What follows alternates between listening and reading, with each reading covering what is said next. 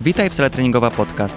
Znajdziesz tutaj inspirujące historie, praktyczne wskazówki i motywacje do zmiany swojego życia. Poznaj ludzi, którzy pokonali swoje ograniczenia i osiągają niesamowite rezultaty. Ja, Patryk Sala, pomogę Ci odnaleźć motywację i skutecznie zmienić Twoje życie. Razem odkryjemy potencjał zdrowego i aktywnego stylu życia. Wykorzystaj swój czas na salę.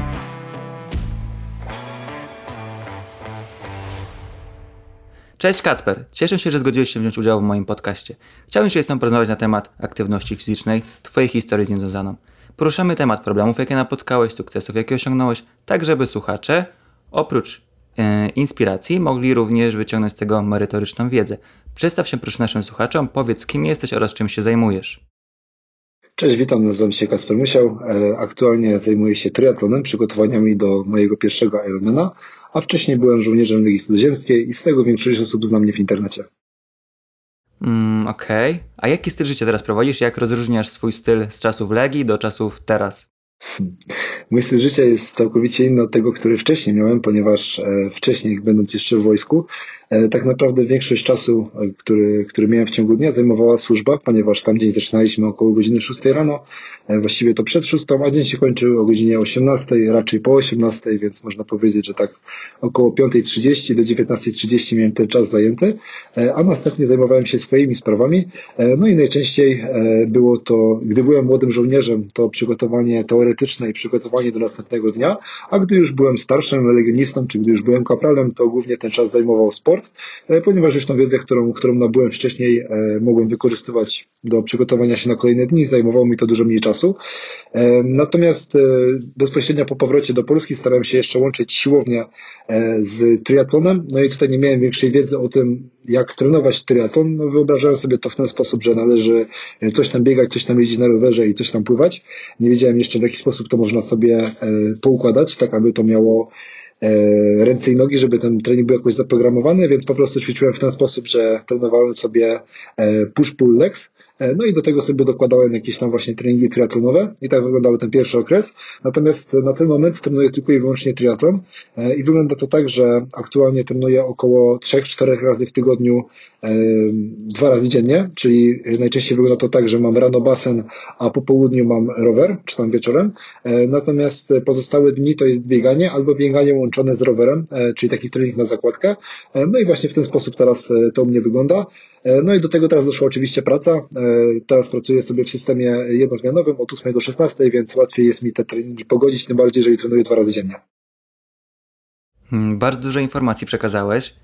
E, to jak powiedziałeś o tej Legii, że mieliście dużo zajęć i tak dalej, a nie było czasu, a pamiętam twoje posty z Armii WK i forma dojeżdżała, nie oszukujmy się, tam też lekko nie mieliście, a wychodziło bardzo fajnie, więc jakbyś mógł powiedzieć coś więcej. No więc tak, jeżeli chodzi o sam trening w Legii, tutaj on jest najbardziej oparty na e, treningu biegowym, ponieważ w Legii się bardzo dużo biega. Ogólnie armia francuska stawia raczej na bieganie e, i tutaj jednym z testów, e, które się wykonuje jest innymi bieg na 8 km, więc tutaj na pewno kilka razy w tygodniu odbywały się takie biegi długodystansowe powiedzmy. E, no teraz z mojej perspektywy to nie były biegi długodystansowe jako osoby, które jakoś tam trenuje bieganie, natomiast no myślę, że dla przeciętnej osoby te 8 czy 10 km to już jest taki dłuższy dystans, a więc często na takim dystansie biegaliśmy. Oprócz tego Mieliśmy treningi, e, które się opierały na treningach kalistenicznych, czyli powiedzmy z własną masą ciała, jakieś pompki, podciąganie i wchodzenie na linę. E, I tak to najczęściej wyglądało. E, często też po południu, szczególnie gdy byłem we Francji, zdarzało się tak, że mieliśmy treningi na siłowni, czyli tutaj była taka możliwość, żeby sobie gdzieś tam właśnie na siłowni potrenować. To było miejsce około godziny 16-17, czyli na tych zajęciach popołudniowych. Także tutaj kto chciał, to trenował sam dla siebie, jeżeli ktoś miał wiedzę, a jeżeli ktoś nie miał wiedzy, to był prowadzony przez kaprala czy sierżanta dyżurnego. E, no i więc tutaj można powiedzieć, że takie treningi siłowe łączyłem z, czy tam treningi kalisteniczne łączyłem z bieganiem, a oprócz tego sam dla siebie często trenowałem wieczorami, więc tak naprawdę zdarzało się, że trenowałem trzy razy dziennie, bardzo często, a wyglądało to w ten sposób, że właśnie rano było bieganie około godziny tej 8-9, a następnie o godzinie 15-16 były jakieś treningi na drążkach, czy to pompki na przykład, e, a później sam dla siebie jeszcze szedłem na siłownię na przykład o tej 19-20 e, i tam sobie właśnie właśnie trenowałem siłowo. Także tych treningów było sporo. Nie były to jakieś treningi specjalnie programowane. Na pewno jeżeli chodzi o bieganie i ten trening kalisteniczny, to raczej było takie, no też nie miał kto jak tych treningów programować tak naprawdę, ponieważ tam sierżant czy kapral dyżurny się cały czas zmieniali, więc nie było jakiegoś jednego konkretnego programu, gdzie byłaby jakaś określona progresja.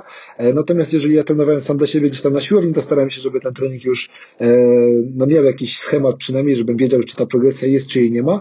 E, no i to było na moment, gdy byłem w regimencie, natomiast gdy wjeżdżaliśmy na teren, na jakieś tam właśnie e, poligony, tak, bo tak to się w Polsce właśnie mówi, na poligony, no to na poligonach starałem się trenować jakoś tam według, według tych możliwości, które miałem, czyli najczęściej korzystałem z jakichś tam, e, nie wiem, czy to drzew, na przykład w Gujanie to sam sobie próbowałem montować drążek na przykład z drzewa, a już tutaj we Francji to korzystałem na przykład z jakichś broni maszynowych, które trochę ważyły, żeby nimi sobie wykonać trening, także starałem się jakoś korzystać z tego sprzętu, który miałem dookoła siebie.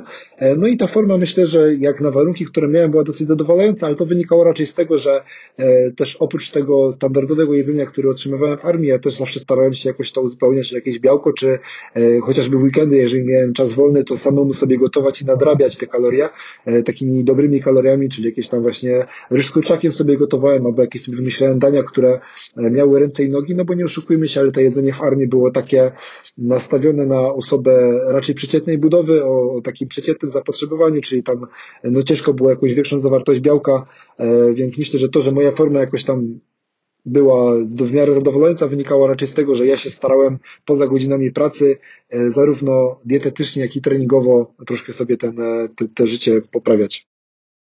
A czy byłeś wyjątkiem od reguły w armii? Jak to wyglądało? No bo patrząc ile masz zajęć, to jak kojarzę moich podopiecznych żołnierzy, no to oni tak nie za bardzo już mają czas po, po godzinach, żeby coś zrobić, bo raz trzeba coś zrobić coś innego, no cały czas są jakieś zadania.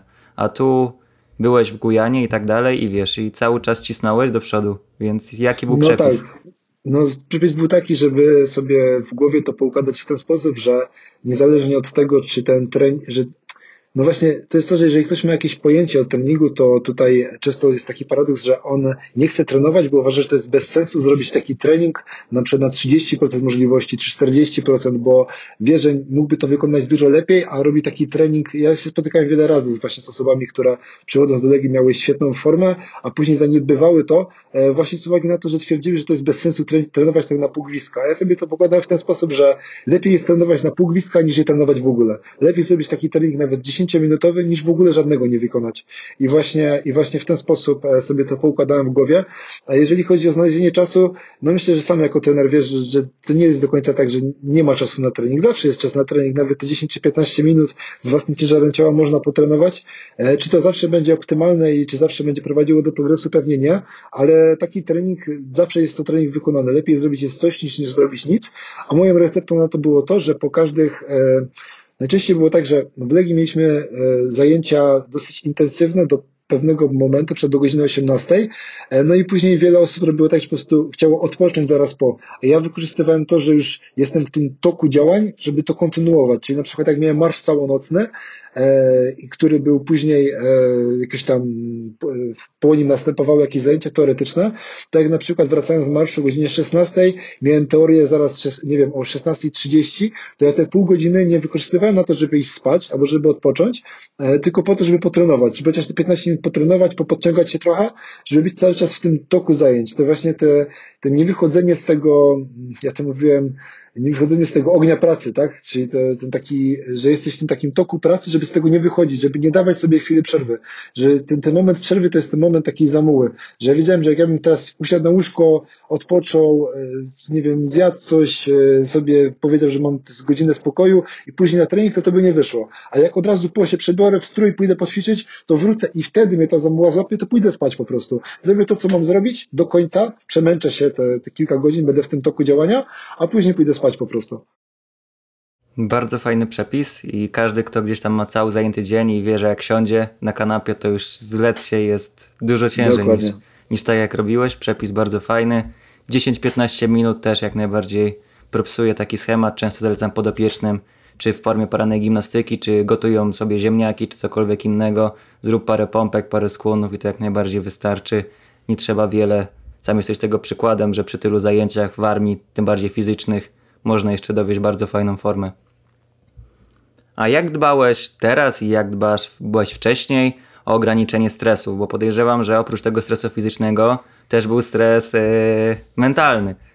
Ale tutaj no to bardzo nie słabe pytanie, bo ja ze stresem mam duży problem, to znaczy ja sam z siebie jestem mega nerwowy, też nieraz się łapię na tym, że nawet jak wszystko się układa, to i tak szukam czegoś, żeby się z czymś stresować. Zawsze muszę mieć coś, czym się stresuję. E, nie wiem, czy to właśnie ten nawyk z armii, czy to zawsze gdzieś tam we mnie było. E, natomiast, e, no akurat ja jestem osobą, która jeżeli chodzi o stres, e, przepis w wojsku był taki, że po prostu część rzeczy brać z humorem, z dystansem po prostu. E, natomiast już tak w życiu codziennym, jak sobie radzić ze stresem, no ja staram się po prostu rozluźnić, że po prostu czasami w momencie dnia, jak ja widzę, że siedzę, jem i mam zaciśniętą pięść, albo siedzę i, i czuję, że po prostu jestem cały aż spięty, mimo tego, że nic się nie dzieje, tylko myślę sobie o jakiejś rzeczy, na którą w ogóle nie mam żadnego wpływu, to po prostu sobie wziąć dwa wdechy, wdech, wydech, rozluźnić się, zająć się czymś innym, a nie jakby zaprzątać głowę jakimiś niepotrzebnymi myślami. Natomiast, e, tak jak mówię, no jestem osobą e, strasznie nerwową, tak e, w życiu. E, jestem też myślę mocno zestresowany wszystkim dookoła. E, także, no tutaj akurat sobie pytanie do mnie, jak sobie radzić ze stresem, bo ja, ja tym stresem żyję i żyć pewnie będę jeszcze długo. Napędzać się do działania. Ale jednak tak mówiłeś, jest. że wyciszasz się, masz jakieś swoje problemy, nie da się być cały czas e, odpalony na 100%. Mm, a jak mieliście jakieś ćwiczenia już w Gujanie czy gdziekolwiek indziej i czułeś, że po całym dniu trzeba się na chwilę odciąć, bo już było dużo stresu, były jakieś ćwiczenia, to po prostu pewnie padaliście bez zmęczenia, czy, czy stres nie pozwalał zasnąć wręcz? Nie, to najczęściej było tak, że się padało ze zmęczenia, tak. To już było tak, że człowiek był tak przemęczony tym stresem, tym wysiłkiem, tym wszystkim, co się działo w ciągu dnia, że się padało ze zmęczenia, po prostu się spało. E, I też e, te, te wojsko mnie nauczyło, no ten nawyk, ten nawyk mi został nawet do teraz jeszcze, już mimo tego, że jestem po służbie e, już e, trochę czasu, już te 9 miesięcy po służbie, to nadal mam coś takiego, że ja śpię wtedy, kiedy mogę, staram się spać, to jakbym nadal jeszcze żył tym, że w Legii było tak, że e, tego, tego snu było tak mało, że ja sobie wmawiałem, że jak mam tylko czas wolny i jakby nie mam nic do roboty, żeby spać. Po prostu, żeby spać, spać, spać, żeby się wyspać na, na, na zapas. E, I teraz często jest tak, że wydaje mi się, że mógłbym spać mniej, a i tak mam takie coś w głowie, że ja muszę iść spać o 22, bo, bo jak nie, no to, to w ogóle ten dzień jest stracony, że nie daj Boże posiedzieć dłużej do północy czy coś. I już taki stres się włącza wtedy, że kurczę jest 22, już trzeba iść spać, bo, bo co jak na przykład będzie taki dzień, że, że nie będę spał, no ale takich dni, no teraz już będąc w cywilu nie mam, tak, no co by się miało stać, żebym miał nie spać w nocy, no więc to jest, to jest takie błędne e, przekonanie, myślę, że to mi z czasem przejdzie, e, że jakby wrócę do tego, co było kiedyś, tak? Czyli jak tam jeszcze ja prowadziłem e, te życie cywilne przed wojskiem, że po prostu, no nie wiem, wyjdę gdzieś czasem na imprezę czy cokolwiek, tak, że, że będę chciał jakoś się rozerwać, a nie myślał o tym, że muszę się regenerować, bo mam jeszcze 10 milionów treningów do zrobienia, a jak nie, to nie będę w stanie. No to przyzwyczajenie ci zostało, zdecydowanie. To już mózg się nastawił. Tak jest. E, zegar biologiczny działa. A jak z odżywianiem? Powiedziałeś, że tam była taka dla przeciętnego mężczyzny dieta. Czyli ile to jest mniej więcej kalorii?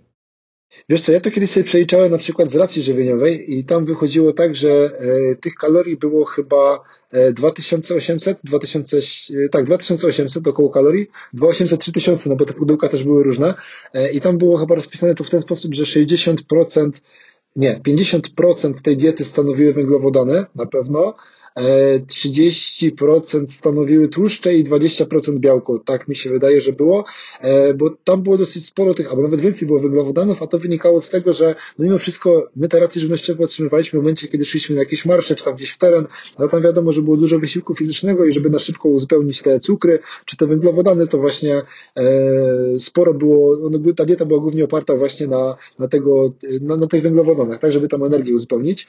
E, natomiast jeżeli chodzi o takie jedzenie gdzieś tam na sto stołówce, no one były po prostu bardzo zróżnicowane i to wyglądało w ten sposób, że bywały tygodnie, to, znaczy ja już potem się dowiedziałem, dlaczego tak jest. To nie było żadnego schematu, tylko po prostu oni mieli jakieś tam e, produkty, które otrzymywali na magazyn i w momencie, kiedy oni sobie przyglądali datę ważności, bo ja tam kiedyś miałem okazję na tej stołówce e, na służbie być i sobie się zapytałem tego kaprala w sumie, jak oni to, jak oni to robią. A mówi, że oni patrzą na datę ważności po prostu i czasami dlatego czasami jest tak, że masz e, w tygodniu na obiad i kolację mięso, a bywają takie tygodnie, że tylko dwa razy razy jest mięso na przykład na obiad, tak? A potem tak to masz tylko warzywa i jakiś, nie wiem, e, coś innego, tak? Że jakaś fasola czy coś, że niby oni mają te wytyczne, że ma być tam trochę białka, ale i tak patrzą na to, co mają na stanie, a nie na to, żeby faktycznie ta dieta miała jakiś, jakiś schemat, bo wtedy dieta nie miała żadnego schematu po prostu.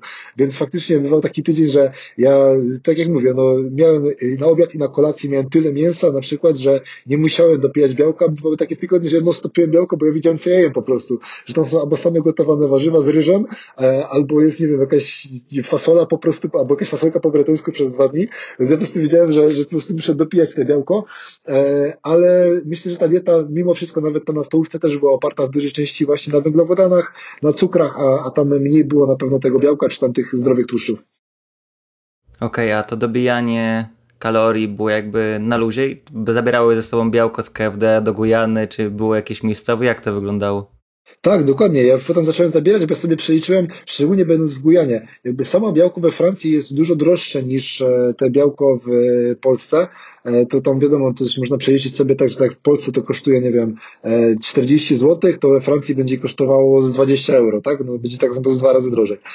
Natomiast jeżeli chodzi o Gujany, tam to już w ogóle było przebicie, bo oni sobie bierali marże za to, że te, te białko sprowadzali z Francji, tak, do tej Ameryki Południowej. No i tam często właśnie wychodziło tak, że białko, które w Polsce, nie wiem, tam za kilogram białka za 900 gram bym zapłacił e, te 40 zł, to w Gujanie płaciłem 40 euro na przykład. No to ja sobie przeliczyłem, że bardziej by mi się opłacało wziąć dodatkowy bagaż e, z, z Francji do Gujany, za który tam zapłaciłem, nie wiem, 50 e, euro, czyli te 200 zł i nakupować sobie na przykład 10-15 paczek białka, i sobie włożyć to do torby, niż, niż kupować tam na miejscu. Więc ja sobie kupowałem białko z Polski i zawsze sobie robiłem tak sobie ten plecak układałem, żeby sobie znaleźć tam te miejsce na te białko, żeby tam zawsze ta, ta, ta paczka białka była.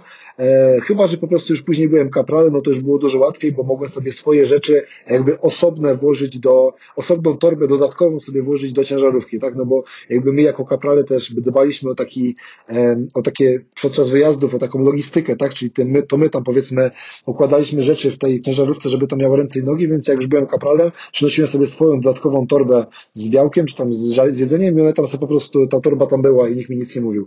Także to było dużo łatwiejsze, ale zawsze dbałem o to, żeby mieć jakieś właśnie swoje dodatkowe odżywki. Okej, okay. a jak inni żołnierze patrzyli na ciebie, kiedy przyjeżdżałeś z całą torbą białka samego? Też byli świadomi, czy to byli... oni jeżeli to byli moi koledzy, to się śmiali z tego po prostu. Jak byłem, chociaż jak byłem młodym żołnierzem, jak byłem legionistą, to kaprale raczej, raczej pozytywnie. To jest mile widziane, jak ktoś ćwiczy e, ogólnie. Na pewno dużo milej widziane niż e, jak ktoś pije, no bo tutaj, nie ukrywajmy, ale w wojsku często są takie skrajności, tak? Albo ktoś e, dużo pije, albo ktoś dużo ćwiczy. Mimo wszystko tych pijących jest więcej niż tych ćwiczących, więc raczej pozytywnie patrzę na to, jak ktoś ćwiczy, tym bardziej, że e, ja byłem takim fenomenem pod tym względem, że ja dużo ćwiczyłem właśnie też te białko, jadłem tak tą kreatynę, że oni oczywiście uważali, że to jest zasługa tego, że, że jakoś tam jestem większy niż reszta, e, ale u mnie to szło w parze z tym, że ja dobrze biegałem, a naj, najbardziej się nie, jedy, osoby, do których najczęściej ma się problem pod tym względem, to są osoby, które e, biorą ze sobą jakieś białko, ćwiczą, są duże, ale przed nie umieją wybiegać. Wtedy to faktycznie często się spotyka z taką jakąś negatywną opinią ze strony właśnie osób dowodzących, że a skądś te twoje białko jeść, przez to nawet biegać nie potrafisz, a jeżeli ktoś faktycznie wyrabia te normy sportowe e, i tylko sobie tam jakoś podjada białko i ćwiczy, to nie ma z tym większego problemu. Powiedziałeś o tym, że mm, w tym wojsku miałeś dużo tego białka, dbałeś o to i przy, patrzyli przychylnie, ale jakby to było, kiedy byś nie biegał? Bo podejrzewam, że na tych, którzy byli nakoksowani, patrzyli jeszcze inaczej. Tak, zgadza się. Tutaj chodzi o to, że często właśnie osoby, które jakoś miały tam większą wagę czy większą masę mięśniową, miały problem z bieganiem i tutaj faktycznie były, zdarzały się zakazy na przykład od szefów sekcji czy od osób dowodzących na to, żeby taka osoba miała jakieś tam swoje białka, potrafili nawet do kosza wrzucać, czy tam do, do ubikacji, w ubikacji spuszczać, żeby po prostu ktoś tego białka nie brał. E, no i to komentowali to oczywiście tym, że chodzi tutaj o wagę, tak, że, że to pewnie te białko, e, no osoby bez wiedzy często tak mówiły, tak, że przez te białko pewnie nie biegasz, a przez tą kreatynę nie biegasz, bo to woda, bo za ciężki jesteś i tak dalej. No ja akurat byłem takim przykładem, że można dużo ważyć i, i dobrze biegać, nawet najlepiej później z mojej kompanii. Natomiast no, prawda jest taka, że to taki był ewenement, rzadko się to zdarzało, żeby jakoś osoby w mojej wadze albo podobnej posturze do mnie też takie wyniki w bieganiu kręciły, albo żeby chociaż mieściły się w tych normach. A to był jakiś ktoś, kto was przygotował do tego biegania, jakiś trener, czy po prostu jak tak było od 100 lat, to tak jest dalej i będzie tak przez następne 100 lat jeszcze. Tak, jak tak było od 100 lat, tak, tak będzie przez 100 lat, dokładnie. To było takie, takie podejście, że po prostu to, że biegamy trzy razy w tygodniu powinno jak najbardziej wystarczyć e, i to, że w, w, no jakoś tam, bo też te bieganie było na takim poziomie, że może faktycznie ktoś ten minimum by utrzymał na, na tych testach, e, no bo zdarzyło się tak, że byli, bywali sierżanci czy tam szefowie sekcji, którzy faktycznie to tempo mieli mocne i później też cała sekcja była mocna, jeżeli ktoś nadążał. Natomiast najczęściej było to takie minimum z minimum, bo oni też się nie chcieli przemęczać. Nie wiem, czy dlatego, że robili później swoje treningi, czy dlatego, że, że po prostu im się nie chciało. Natomiast też no, wychodzono z takiego założenia, że młodzi żołnierze e, najczęściej otrzymują kary fizyczne za niewykonanie, za niewykonanie jakiegoś zadania. E, w związku z tym no, te kary fizyczne miały ich też w jakiś sposób wzmacniać fizycznie i poprawiać ich wyniki, no co teoretycznie na na teście z pompkami się przekładało, no bo jak ktoś tam za karę no stop pompował, to później faktycznie miało to przełożenie na to, że jak e, wykonywał jakiś test z pompek, no to jeżeli był w miarę wypoczęty e, i nie pompował tam przez poprzednią godzinę 10 razy, to faktycznie te wyniki były, były całkiem zadowalające. A jeżeli chodzi o bieganie, no to tutaj też niektóre właśnie z kar fizycznych, które otrzymywali młodzi żołnierze, takie jak na przykład maszerowanie w kuckach albo wchodzenie na stołek, to raczej mocno wzmacniało mięśnie. E, no i to miało też powodować to, że jeżeli takie kary się zdarzały regularnie, w przypadku młodych żołnierzy, którzy byli zakręceni, często zdarzały się regularnie, e, no to później to, to skutkowało poprawą wyników sportowych, no i też, też między innymi powodowało to, że był taki podział, tak, na tych, którzy są e, dobrzy z teorii i słabi sportowo i na tych, którzy są świetni sportowo i słabi z teorii, tak, to nie brało się z niczego, nie dlatego, że jak jest głupi, to jest, to musi być silny, tylko no po prostu jak nie łapał szybko, to łapał, jak nie wchodziło w głowę, to wchodziło w nogi. Ale działało. Muszą być mądrzy i muszą być ci, co, ci, co włożą wszystko, więc. Dokładnie. Tak wojsko, jest. typowe wojsko. A powiedz mi, czy z racji tego, że dużo biegaliście, było mało jedzenia jakościowego i to bardzo się mieszało, to czy było dużo takich kontuzji przeciążeniowych? No bo jeżeli ktoś zaczynał, no to po czasie albo się zadaptował, albo ginął i wypadał prawdopodobnie, jak to często w sporcie bywa. Dokładnie, tak, zdecydowanie, tak powiedziałeś. E, tutaj zdarzały się kontuzje, a czy ich było dużo? E, nie, raczej nie dużo, no bo biorąc pod uwagę to, że jest powiedzmy 30 osób na sekcji, a jedna czy dwie osoby non stop tam coś łapią, to to nie jest, myślę, jakiś tam duży odsetek. E, natomiast no tutaj też standardowo był taki taki cichy nakaz tego, aby nie wspominać o swoich kontuzjach. E, no tutaj Legia nie działała niestety tak jak czy tam no, standardowa praca, czy polska armia w taki sposób, że jakoś tam tym żołnierzom kontuzjowanym pomagała, tylko często tacy żołnierze byli e, negowani i jakby podawani za przykład tego, co się robić nie powinno, że powinno się być twardym, a nie tam mówić, że się ma kontuzję. Oczywiście standardowo to było, że ktoś udaje, e, że ma kontuzję, więc tutaj często młodzi żołnierze woli nawet nie wspominać o tym, że coś ich boli, bo wiedzieli, że to się będzie, skończy się na nich tym na przykład, że nawet jeżeli otrzymają zwolnienie od lekarza, to będą mieli taki zajazd obowiązków, że finalnie gorzej na tym wyjdą, to lepiej się przemęczyć te pół godziny, na ten, znaczy tą godzinę na bieganiu rano, niż na przykład przez następne 15 godzin e, mieć non-stop jakieś zajęcie, tak? To lepiej to przytrzymać. E, no i tutaj faktycznie, no jeżeli ktoś miał takie, wiesz, e, no bo zdarzają się osoby, które często mylą jakiś tam ból mięśni z faktyczną kontuzją, to takie osoby szybko łapały, że lepiej sobie odpuścić, a jeżeli ktoś miał faktyczną kontuzję, często ona się pogłębiała i prowadziła do całkowitej dys, dys, jakby dysfunkcji tego żołnierza, no i później był po prostu przenurzony gdzieś tam na kompanię logistyczną, no to w jakiś sposób krzywdziło te osoby, które miały prawdziwe kontuzje, no a z drugiej strony, no w warunkach powiedzmy wojennych, do których mieliśmy się przygotowywać, no to też jakby no nie ma tak, że masz kontuzję i wróg to rozumie i nie masz, nie bierzesz udziału w walce, tak? To też tak nie działa, więc no myślę, że bardzo surowe, bardzo czasami niesprawiedliwe, wobec których reguły, ale no przynosiły efekt. De facto o to mi chodzi, jak to powiedział pewien generał z Rosji, czy tam Stalin, że taka liczba to tylko statystyka, nieważne ile zginie, ważne, że był cel osiągnięty. Ale tego, co mówisz, to nie odnalazłem się w wojsku. Nie ma szans. Pamiętam, że jak byłem młodszy, gdzieś tam myślałem, ale im tu teraz patrzę i tego, co opowiadasz, to nie. Nie, nie mój klimat. No, to jest, to Nawet jak na sporty walki idę, i widzę, że robione jest to bez ładu i składu i każdy ciśnie do upadłego, no to mnie to aż mi się odechciewa ćwiczyć, bo wiem, że to poza kontuzją prawdopodobnie nic więcej nie przyniesie. Dokładnie. Mnie, mnie to nerwowo pod względem biegania. Ja byłem strasznie zdenerwowany jakby, że, że tam nie ma żadnego, wiesz, żadnej progresji, że jest tak biegasz raz szybko, raz wolno, raz pięć, raz sześć. Nie widzisz tego żadnego sensu w tym. I już później tym bardziej jak dobrze biegałem, to ja się na przykład nudziłem. Mnie to bieganie nerwowo mnie to nudziło po prostu, że ja się wlokę za kimś. E, natomiast no, najczęściej było też tak, że jak już później byłem kapralem, to pytałem się po prostu, czy sobie mogę wziąć jedną grupę, dwie, czy sobie przyspieszyć. I najczęściej się zgadzali po prostu, bo wiedzieli, że już mam stopień, już w miarę szybko biegam, że po prostu przemęczyć tych, którzy chcą, żeby oni poprawiali wyniki, a tych, którzy nie chcą, no to niech tam sobie tuptają z tyłu. Okej. Okay. No to przynajmniej tyle, że jak już byłeś w wyższym stopniu, że miałeś gdzieś tam większe stopnie tak, swobody, a nie większą, tak, równanie do zera. Mm, a jak z regeneracją? Jak, jak to było? Powiedziałeś, że sen no to w wolnych chwilach, teraz już jest lepiej, podejrzewam.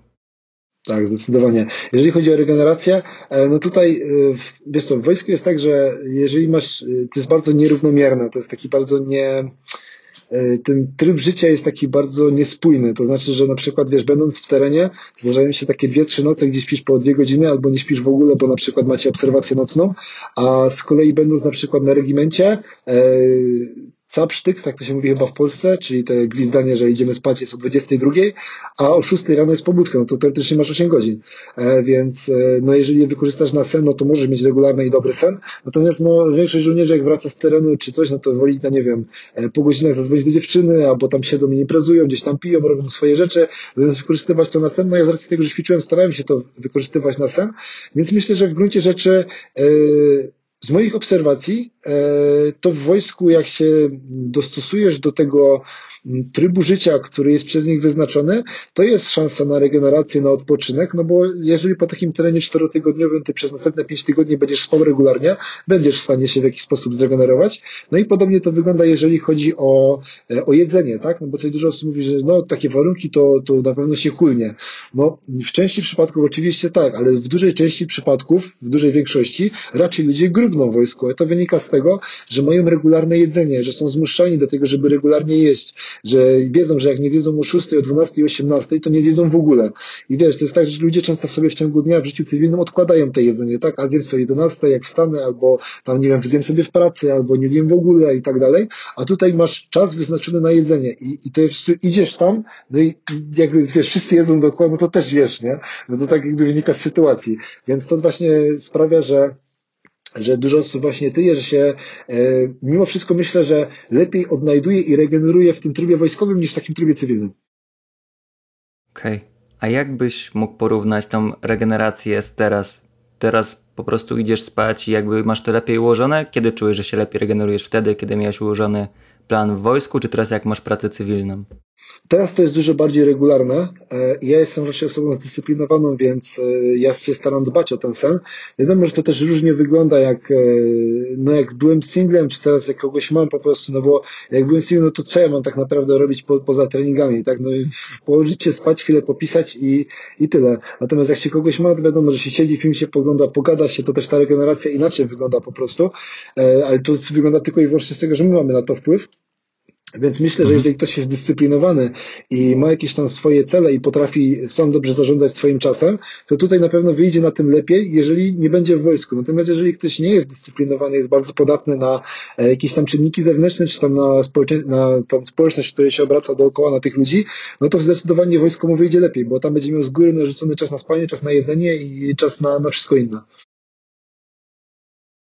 Mm, Okej, okay. czyli uważasz, że służba powinna zostać przywrócona, żeby każdy się nauczył z dyscypliny jakieś.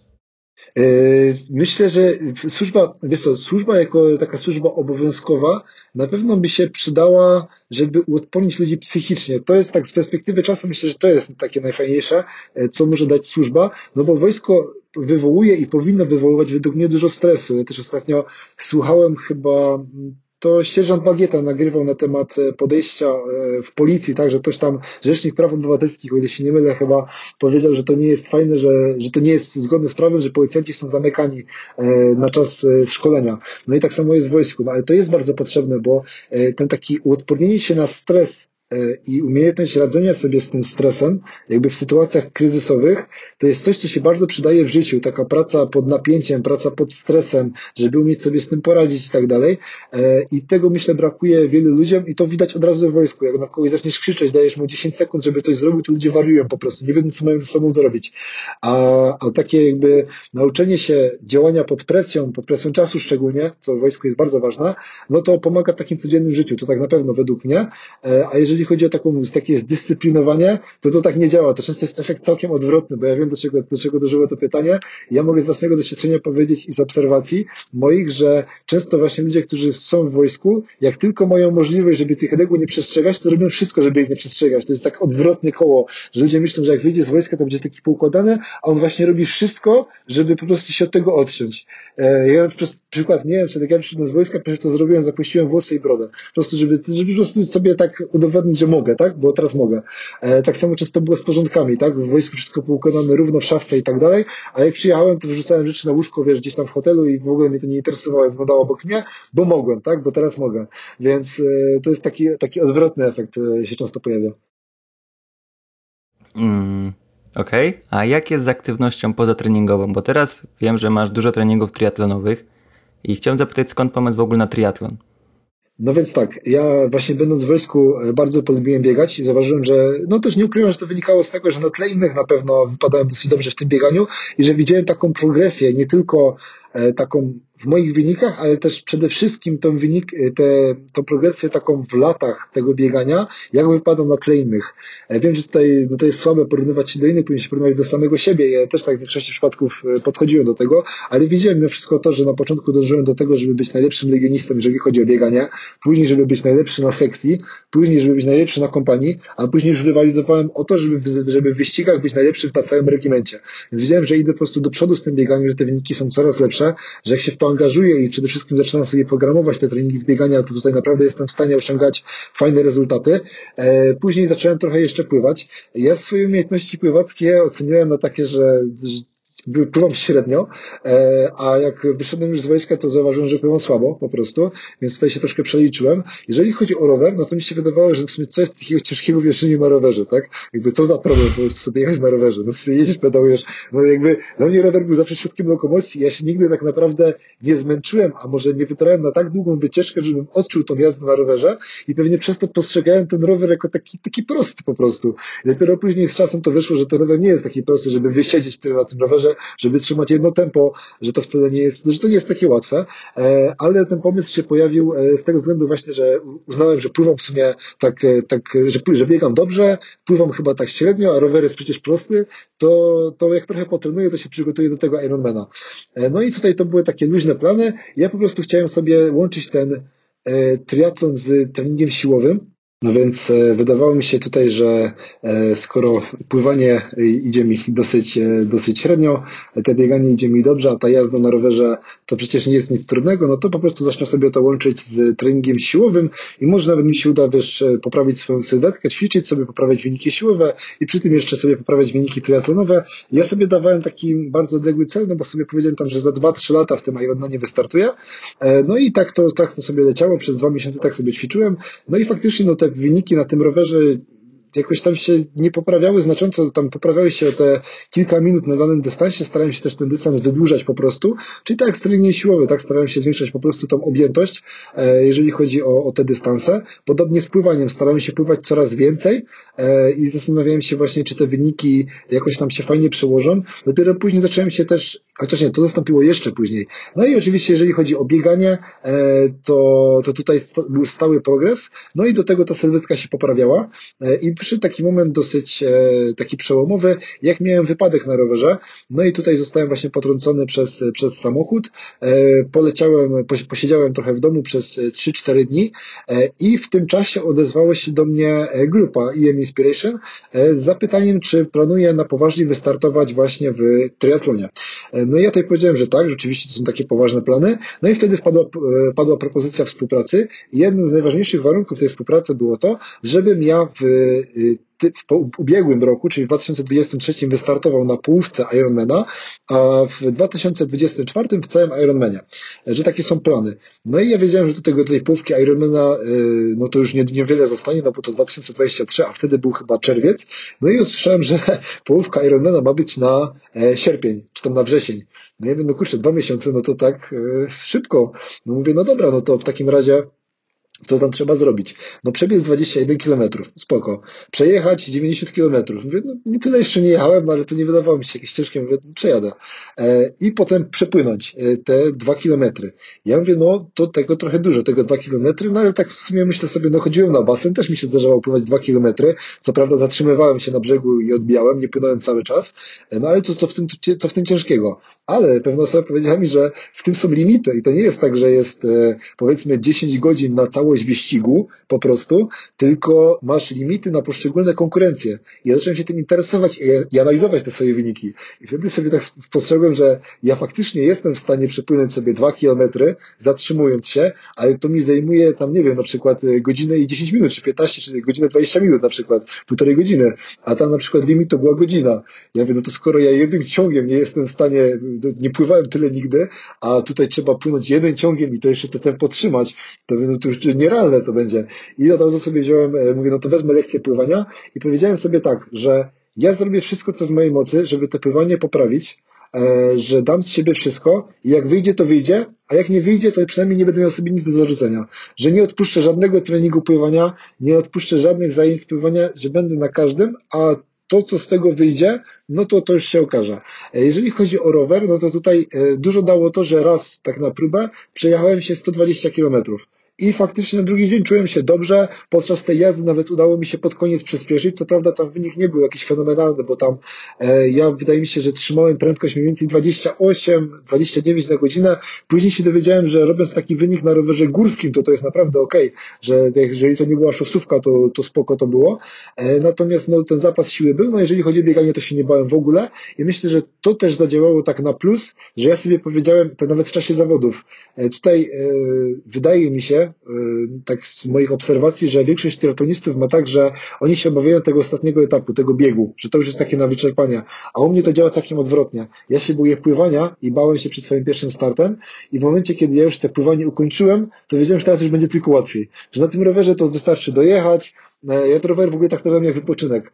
Teraz dopiero zacząłem poważnie traktować rower, a wtedy to było tak, że a jadę sobie, coś sobie zjem, w sumie co to za wysiłek, jak ja w trakcie mam jeść, tak? Jakby, co to jest za, za tym, skoro tam chodzi o to, żeby sobie jechać i jeść, nie? No więc e, teraz dopiero wychodzi, że to wcale nie jest takie proste, jak się trzyma jedno mocne tempo, żeby jeszcze zjeść po drodze. No ale na koniec te bieganie to już w ogóle luz. E, no i faktycznie na zawodach też tak było, że bardzo się stresowałem pływaniem, pływanie było ciężkie, tam mi zabrakło bodajże 5 minut do limitu, to znaczy, że tam 3, 3 minuty, że 3 minuty później bym był i już bym, nie, już bym nie mógł kontynuować wyścigu, więc byłem tak w limicie, w limicie, ale się udało to osiągnąć. Później na rowerze znowu udało mi się przyspieszyć na sam koniec. No jeżeli chodzi o bieganie, no to tak jak zakładałem, było dobrze, było fajnie, już się cieszyłem tak naprawdę tym, tymi zawodami na sam koniec, jak biegłem. E, także no właśnie ten pomysł na triatlon tak na poważnie wziął się właśnie z tej propozycji współpracy, e, która, która jakby no zakładała to, że najpierw jest połówka, później jest cały Ironman i to mi tak dodało motywacji, że no trzeba się z tym sprężyć.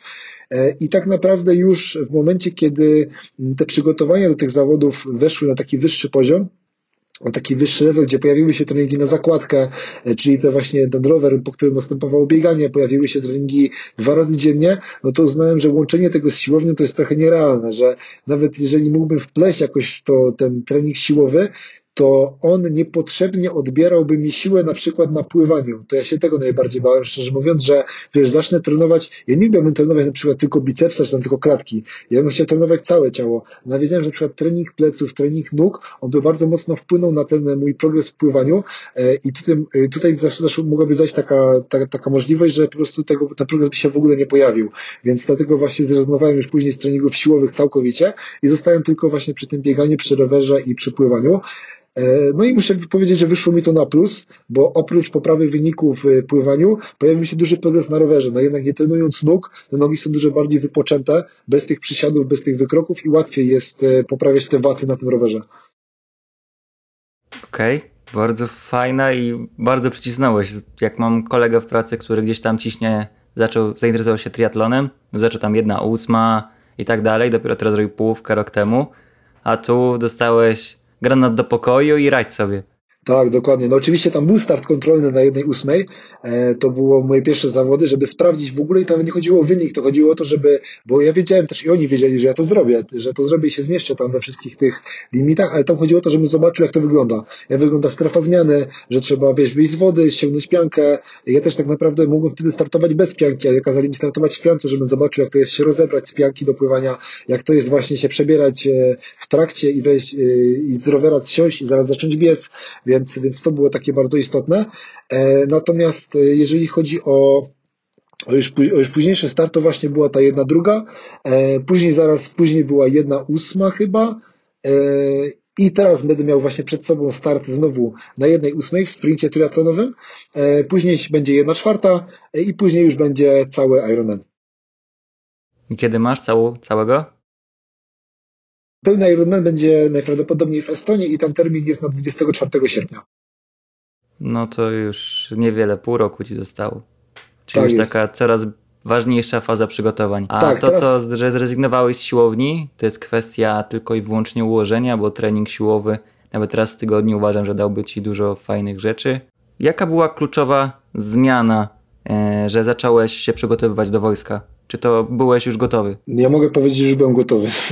to było tak, że ja, e, jeżeli chodzi w ogóle o wojsko, bo ja zacząłem od Wojska Polskiego, to ja do Wojska Polskiego poszedłem bardzo, to była taka bardzo sporadyczna decyzja e, i ona wynikała z tego, że przygotowałem się do swoich pierwszych zawodów e, w trójboju, z którymi wiązałem bardzo duże swoje nadzieje i w momencie, kiedy już byłem w takiej ostatecznej fazie przygotowań, w pracy znowu zdarzył mi się wypadek, wbiłem sobie przypadkowo nóż w udo, bo pracowałem właśnie w takiej ubojni e, i e, to sprawiło, że nie mogłem wystartować w tych zawodach. No i stwierdziłem, że muszę coś zmienić w swoim życiu i wtedy wybór padł na wojsko.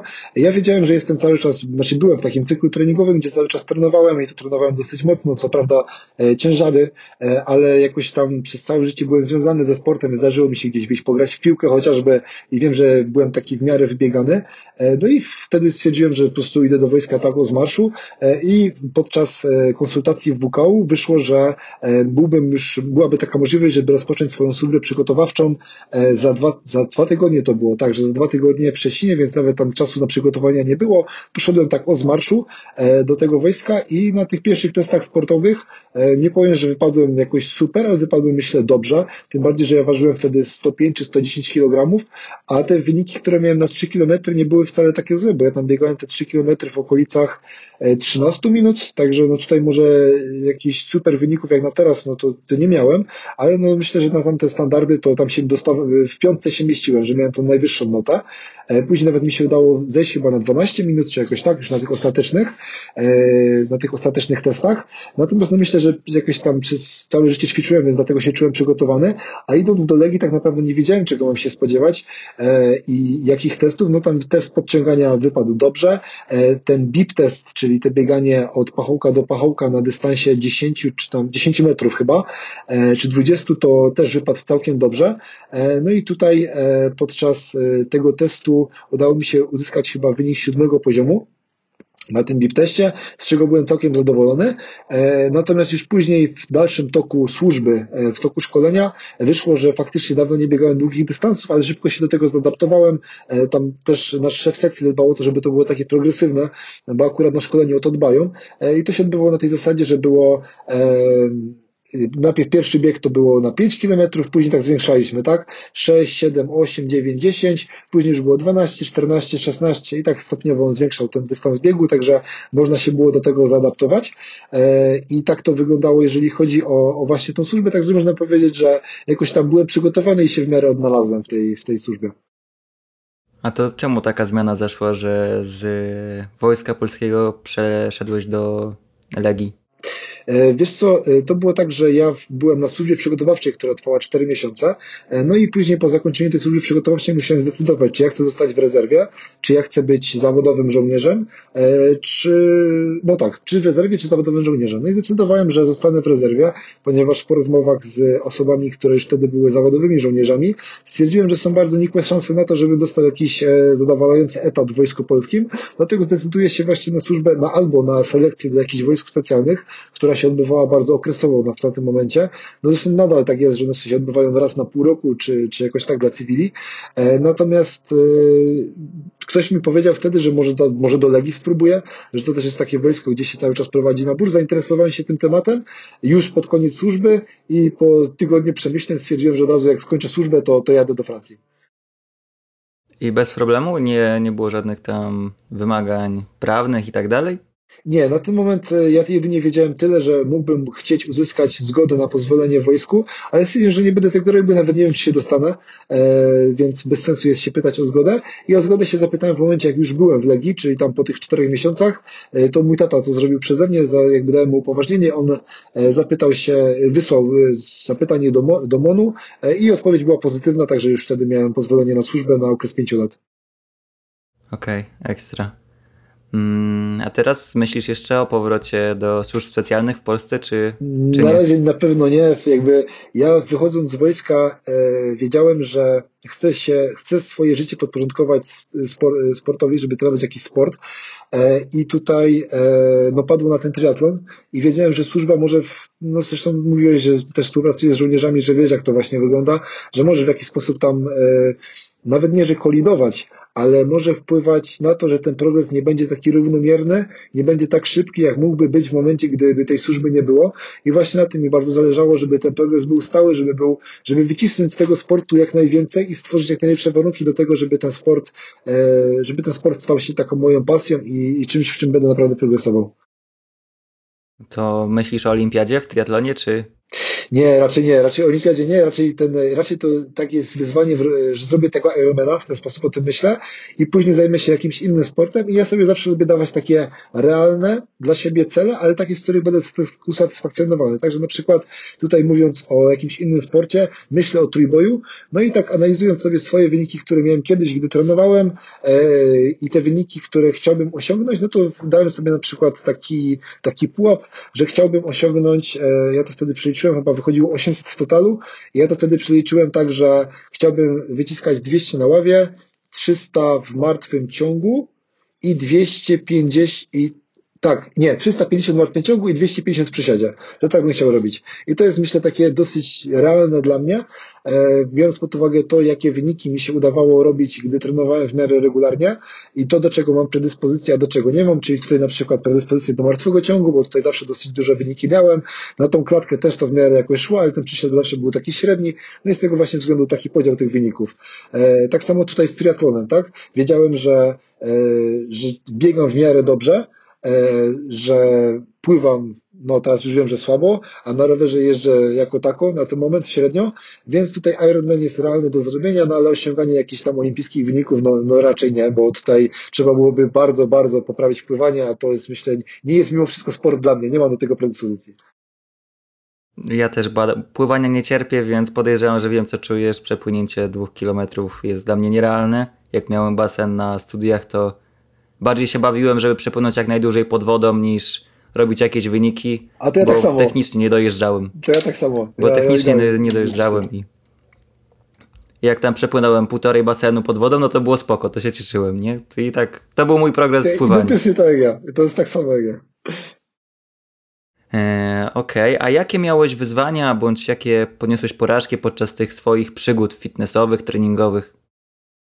No więc tak, no na pewno e, moją pierwszą taką e, no, porażką, taką, takim rozczarowaniem było to, że e, gdy pierwszy raz wystartowałem w zawodach kulturystycznych, to miałem lat 17 e, i wystartowałem wtedy, zająłem e, chyba dziewiąte miejsce na 16 zawodników, e, no czyli tam gdzieś byłem powiedzmy w połowie stawki i przygotowywałem się do zawodów w przyszłym roku i tutaj e, moja wina oczywiście i po części uważam wina trenera, że tego nie zweryfikował, e, ponieważ włożyłem bardzo dużo w te przygotowania, zrezygnowałem ze szkoły w ogóle, żeby, żeby mieć pracę, żeby móc móc e, zarobić sobie, bo mama powiedziała od razu, że jak ja zamierzam tyle jeść i w ogóle prowadzić taki tryb życia, no to, to, to jest nie do zrobienia. E, mając trójkę dzieci, jakby, no to ona nie jest w stanie mnie wykarmić, więc, e, więc muszę jakoś to ogarnąć. No i tutaj, no nie, oczywiście nie powiedziała mi, że mam zrezygnować ze szkoły, to była moja decyzja.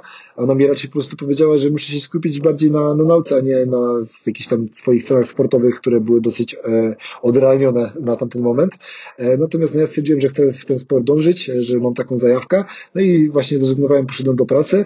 No i to, to później no, skutkowało tym, no, że jakby przerwałem swoją naukę tak naprawdę w połowie liceum, gdzie ja problemów nigdy z nauką nie miałem, a, a podjąłem taką decyzję, a okazało się, że startować w tych zawodach nie mogę, ponieważ ja 18 lat kończyłem w styczniu, a zawody były w październiku i na tamten moment po prostu no, odpadało to.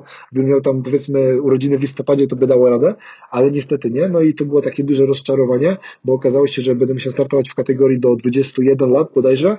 E, no i tutaj no to już nie miałbym, wiedziałem, że mimo tego, że progres był ogromny względem poprzedniego roku, to nie miałbym jakichś większych szans, a ja zawsze chciałem zajmować miejsca medalowe, a nie po prostu wystartować, żeby gdzieś tam być w połowie stawki. E, więc to było dla mnie takie duże rozczarowanie, ale to mi dało taki motor napędowy, żeby później właśnie e, pobawić się w te ciężary, bo tutaj e, po rozmowach z osobami, które jakoś tam miały pojęcie na ten temat, czyli chociażby Seba Kot, który przez jakiś, z którym przez jakiś czas współpracowałem, to mi właśnie zasugerował, że może nie ta kulturystyka, a bardziej ciężary, bo widzi tutaj, że te ciężary są w miarę, że są predyspozycje, żeby szczególnie w tym martwym ciągu, wtedy chyba myśleliśmy też o tym, o tym Iron Lidze, o tym samym, w samym tym martwym ciągu, żeby tam coś zdziałać, że są fajne predyspozycje, żeby dźwigać dużo, E, i to był taki motor napędowy, no ale później jak już się okazało, że przed tymi zawodami sobie wbiłem ten nóż, no to nie ukrywam, że byłem bardzo rozczarowany i to był taki chyba jedyny moment w moim życiu, kiedy zastanawiałem się, czy w ogóle to ma sens dalej cokolwiek trenować, że kurczę, to taka fala niepowodzeń, miałem wtedy 18 lat, ale dla mnie to myślałem, że to będzie koniec świata, jak, e, że to już na pewno nigdy niczego nie będę trenował. No i to było takie, takie dosyć dołujące, e, na pewno, te dwa wydarzenia, a w późniejszym czasie wydaje mi się, że no ten moment taki, jak zacząłem trenować e, ten triatlon jak zdałem sobie sprawę z tego, jakie ja robię czasy, jak mi ktoś pierwszy raz zmierzył czas na pływaniu, a ile trzeba osiągnąć właśnie na, na tych zawodach, że mówię, kurczę, ja tego nie zrobię po prostu, nie ma opcji, e, że to był taki moment, że się zastanawiałem w ogóle, czy to ma sens, no ale stwierdziłem, że faktycznie, tak jak Ci wtedy mówiłem wcześniej, że zrobię wszystko, żeby ten wynik był jak najlepszy, no i to były takie trzy mocne momenty, myślę, zawahania takich, gdzie no zastanawiam się, czy, czy to ma sens po prostu dalej to, to trenować. A czy twoje obycie w wojsku i tak dalej, to jaki jesteś człowiekiem, pomogło ci wyjść z tego momentu, że taka zawziętość się pojawiła, nieodpuszczanie i ciśnięcie dalej? Tak, zdecydowanie, że taka zawziętość po prostu, taka, takie coś, żeby, żeby nie odpuszczać, że już tyle w to włożyłem, że nie ma co, nie ma sensu odpuszczać, nie mówię, że takie pozytywne nastawienie. Ja no, faktycznie raczej bym powiedział, że jestem optymistą niż pesymistą. Może z biegiem lat to się trochę zmienia niestety. Byłem bardziej optymistą, jak byłem młodszy, a teraz już jestem starszy, to bardziej realnie może patrzę na życie, e, więc może bardziej się stałem realistą. E, natomiast e, jeżeli chodzi o, o to takie nastawienie i tą taką ambicję, to na pewno często mi pomagała w tym, żeby, żeby dążyć do tych celów, żeby nie odpuszczać przede wszystkim taka zawziętość. A ja miałeś jakieś kontuzje, czy tylko to wbicie tego noża? E, zdarzało mi się skręcać kostkę. Tutaj taki najpoważniejszy moment, kiedy no zazwyczaj mi to jakoś, jakkolwiek to już mi to nie przeszkadzało, powiedzmy, bo nawet jak gdzieś tam podczas biegu z sekcją tą kostkę, tą stopę źle postawiłem, ja czułem, że ta kostka jest spuchnięta, że coś tam się podziało, e, to i tak wiedziałem, że to jest znaczy, no, tak sobie dam radę, tak, że ten tempo biegu nie jest znowu takie niesamowite, żebym ja nie wyrobił z tą kostką, że jakoś tam dotuptam, że się przemęczę te, te dwa tygodnie, albo wymyślę coś, żeby odpuścić jak najwięcej tego biegu. I tutaj to się polegało na tym, że to jest służba jakaś, a może jakaś warta, się z kimś zamienię, a zamiast, to zamiast pójść biegać, to pójdę na służbę, to sobie postoję zamiast biegać, starałem się kombinować jak mogłem, e, natomiast e, no, te skręcenie kostki na pewno mi e, utrudniło start w moim drugim Armagedonie, na który się bardzo nastawiałem i tutaj ten start miałem już będąc w Legii, to było chyba 3 lata temu, czy tak chyba 3 lata temu, w 2021 roku i i tutaj e, to był mój drugi start, e, bo pierwszy to był e, start taki for fun, gdzie tak naprawdę startowałem ze swoją ówczesną wtedy dziewczyną i tam po prostu sobie postartowałem tak, żeby pobiec z nią, bo ona w tym chciała biec. A drugi start to był taki dla mnie i tak mocno ćwiczyłem tutaj dużo na drabinkach, podciągania, na linę wchodziłem i chciałem osiągnąć jak najlepszy wynik, też dużo biegałem. No i na trzy dni przed startem ja sobie kostkę skręciłem, jak ci miałem pójść przebiec. I no i nie ukrywam, że wtedy to, to mnie tak też trochę E, no tak zdenerwowało, bo wiedziałem, że tę kostkę będę czuł po prostu podczas tego, że na pewno będę, będę to odczuwał, e, ale no tam z, z dwie czy trzy tabletki przeciwbólowe wziąłem, nie potrzymały na te dwie godziny, że dałem radę do przebiec. E, i wtedy też fajny wynik się udało osiągnąć, bo w amatorach chyba byłem siódmy, nie, w amatorach byłem piąty chyba, e, jeżeli chodzi o tych wszystkich, e, to było wtedy we Wrocławiu i tam w tym, e, w tym 12-kilometrowym biegu byłem piąty, także byłem zadowolony jak na swój drugi start. No i ta stopa wcale aż tak nie dokuczała, natomiast no wiadomo, że na drugi dzień to była masakra po tym zeskakiwaniu z tych płotków i tak dalej, to, to było źle, ale, ale mimo wszystko no wtedy to było taki moment przerażenia, jak ta kostka się skręciła, to było takie, że kurczę, że to chyba nie, chyba to chyba nie wyjdzie. Podszedłeś bardzo po sportowemu, że nie odpuściłeś tylko tabletka i ogień. Tak, ja pamiętam, jak jeszcze w piłkę grałem, e, to przeciwnik naszej drużyny to były jakieś baraże o awans do jakiegoś tam, do jakichś zawodów i goś złamał rękę tam parę dni przed tym. No nie jakoś bardzo, nie musieli mu tego, tylko tam orteza i miał trzymać. No ale no co zrobił? Ketanol, dwie tak. tabletki i jazda. I goś zabrał najlepszy mecz w życiu chyba wtedy. Nie wiem co, chyba to nie był tylko ketanol, ale no naprawdę bronił ale tak wszystko. Jest. Tak, tak często jest, że sportowcy to jest, e, ja z perspektywy e, no, osoby, która jakoś też tam właśnie trenowała dużo z takimi sportowcami prawdziwymi, mogę powiedzieć, że tak jak często z osobami, które które trenują rekreacyjnie, jest ten problem, że one się nie przykładają do treningów i że przychodzą tak, że często odpuszczają sobie, to sportowcy często mają w drugą stronę. Ich znowu trzeba namówić, żeby sobie odpuścili, bo oni często są, mają tak chorą tą ambicję sportową, że nie potrafią powiedzieć stop nawet wtedy, kiedy powinni. I tutaj znowu to działa w drugą stronę. I tutaj też rozmawiałem, zdarzyło mi się właśnie z takim doświadczonym trenerem i on powiedział, że on po prostu nie umiał się odnaleźć na takiej sieciówce współpracując z osobami e, takimi zwykłymi trenującymi rekreacyjnie, bo on przez całe życie trenował sportowców e, i on trenował, często też e, miał styczność z olimpijczykami i tak dalej i powiedział, że no dla niego takie podejście, że chłop nie przyszedł na trening na przykład by się nie wyspał, to on po prostu nie potrafił zrozumieć tych ludzi, że on się nie miał odnaleźć w ogóle w pracy z nimi, e, bo on był raczej z ludźmi, którzy e, przychodzili kulejąc na trening i udawali, że mówili, że nic go nie boli, przecież że wszystko jest okej. Okay. To prawda, to, to, to prawda. Ja cały życie byłem w sporcie wychowany i cały czas gdzieś tam ćwiczyłem, żeby zagrać zawodowo w piłkę, nie udało się, ale też właśnie unikałem tego, a teraz gdzieś tam pracuję, pomagam wracać ludziom po kontuzjach i, i widać jak sportowiec wraca po kontuzji, a jak wraca ktoś, kto jest po prostu zwykłym człowiekiem i wraca po kontuzji. Są zupełnie dwie różne rzeczy. Dokładnie. I, i u zwykłego człowieka to się zazwyczaj rozwleka dwa razy dłużej. Tak. Mm, a jakbyś miał jakieś wskazówki dotyczące Twojego zdrowego trybu życia, które pomogły Ci osiągnąć aktualny sukces i to, jakim teraz jesteś człowiekiem? Yy, systematyczność przede wszystkim. Yy, systematyczność to jest takie, taka rutyna po prostu, żeby sobie wyrobić, yy, no myślę, to jest taka rutyna dnia, no to systematyczność myślę, że to jest najlepsze słowo na to, żeby tutaj zarówno jeżeli chodzi o jedzenie, jeżeli chodzi o spanie, jeżeli chodzi o trening, żeby mieć w tym wszystkim jakiś schemat. Ja mówię, że no nie musisz mieć poukładanego, poukładanego treningu, wiesz, od deski do deski, ale miej w tym wszystkim jakąś wizję, jakiś cel, żebyś po prostu widział ten progres jakikolwiek. Tak samo jeżeli chodzi o jedzenie. Nie musisz liczyć wiadomo, jak ktoś zaczyna swoją drogę, dobrze jest nauczyć się liczyć te kalorie, dobrze jest nauczyć się mieć pojęcie, co i jak, jakie produkty mają, bo później to pomaga w tym, że jak już osiągniesz ten swój cel i będziesz jeszcze trochę zluzować z tą dietą, to nawet idąc gdzieś na miasto, czy idąc gdzieś okazyjnie, ty będziesz widział po produktach po prostu, co ty jesz i czy ty jesz dobrze. Więc to jest, myślę, takie bardzo istotne. Natomiast jeżeli chodzi o, o takie właśnie rady też, no to systematyka. Przede wszystkim systematyka to pomaga zawsze. W śnie, w treningu, w jedzeniu, po prostu być, mieć jakąś wizję, jakiś schemat. Jakiś cel, który będziecie tak, ciągnął. jakiś cel i ja na przykład sobie nie wyobrażam trenować, ostatnio wszedłem w debatę na jakiś forum, że ktoś powiedział, że po co jakaś osoba, tam temat się tyczył tego, że e, chłop biegał e, od trzech miesięcy, zaczął jakiś trening i po trzech miesiącach okazało się, że wynik, który osiągnął był gorszy niż ten, który miał na początku. No i tutaj ja rozumiem sfrustrowanie tej osoby, a takie rady w stylu, no po co się, po co się denerwujesz, przecież trenujesz dla siebie, jakby ja nie uważam sobie czegoś robić bez celu. Wiesz, to jest, dla mnie to jest takie no ja jako sportowiec nie umiem sobie tak wyobrazić, że ja nawet teraz jakbym zaczął jeździć na rolkach i wiesz, i byłoby to tak, że co tydzień bym wychodził, nie wiem, z siostrą na rolki, to ja i tak chciałbym w tym widzieć jakiś schemat, że wiesz, jeżdżę coraz więcej, coraz szybciej. Nie umiemy tak po prostu iść na rolki. To jest dla mnie takie nie do pomyślenia. To jest dla mnie tak trochę, tak samo jak teraz y, uczę się, tak? Ja zacząłem szkołę taką weekendową. No to ja nie umiem tam po prostu siedzieć. Jak ja miałem tam siedzieć, żeby siedzieć, ja bym czuł, że ja marnuję czas.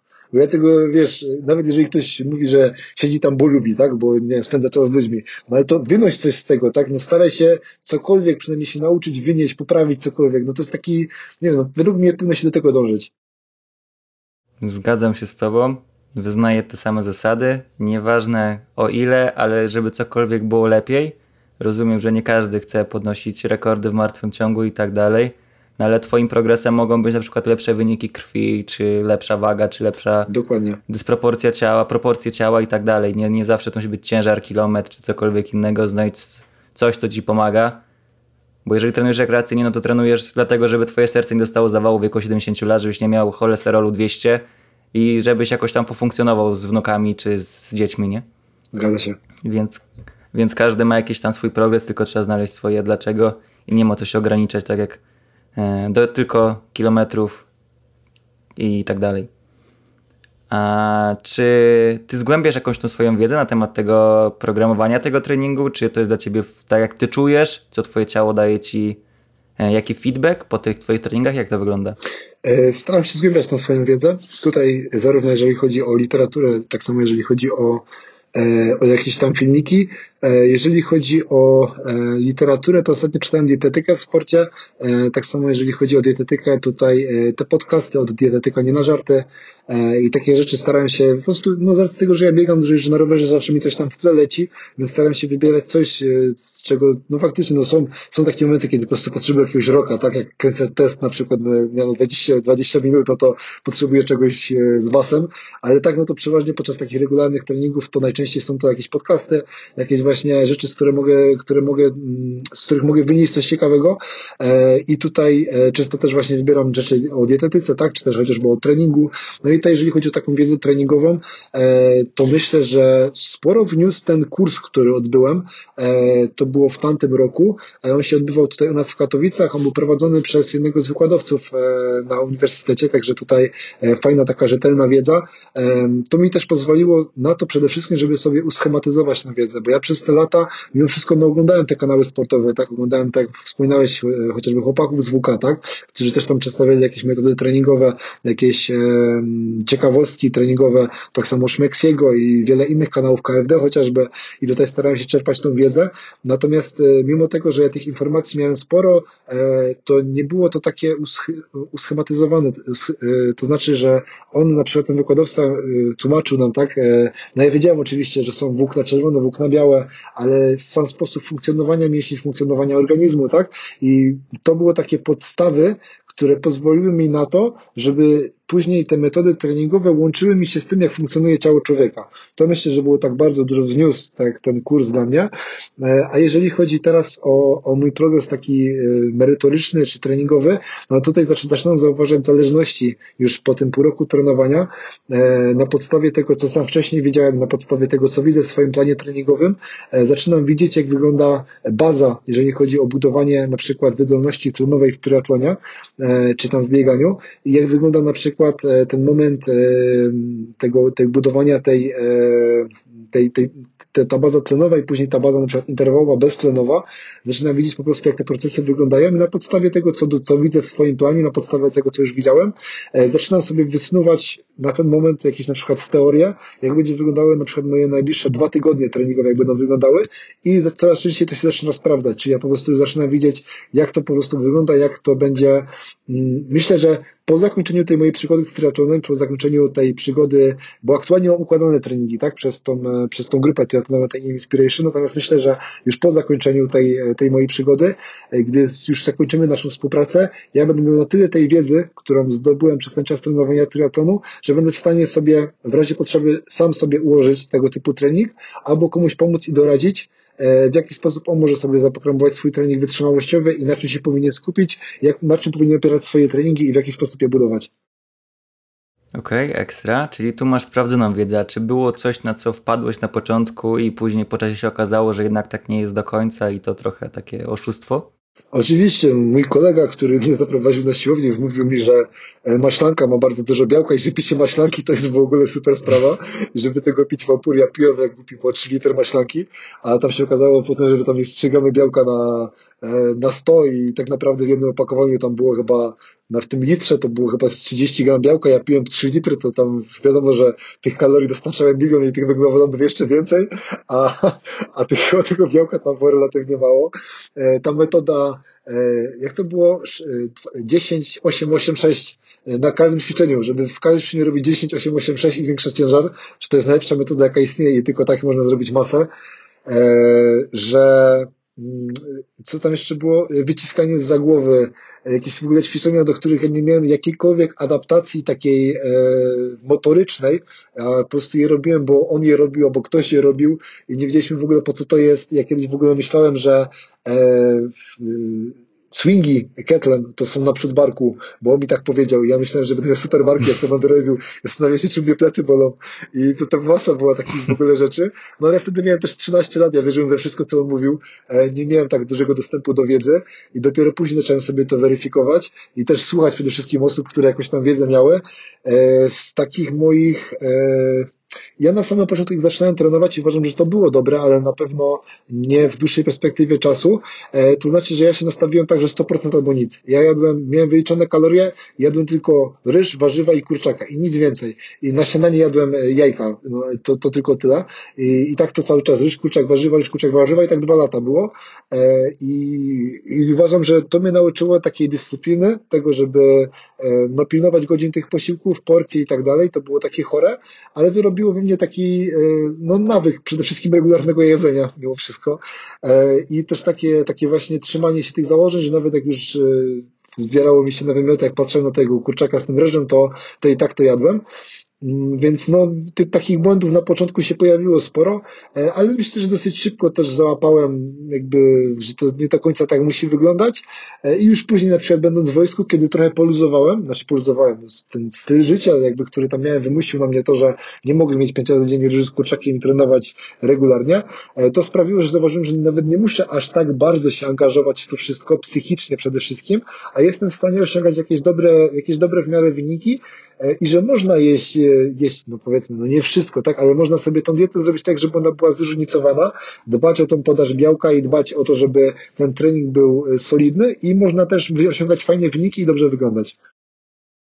Tu poszedłeś taką drogą samouka, trochę błędów, ale teraz jak widzisz śmiesznie jest, można się pośmiać z perspektywy Dokładnie. czasu.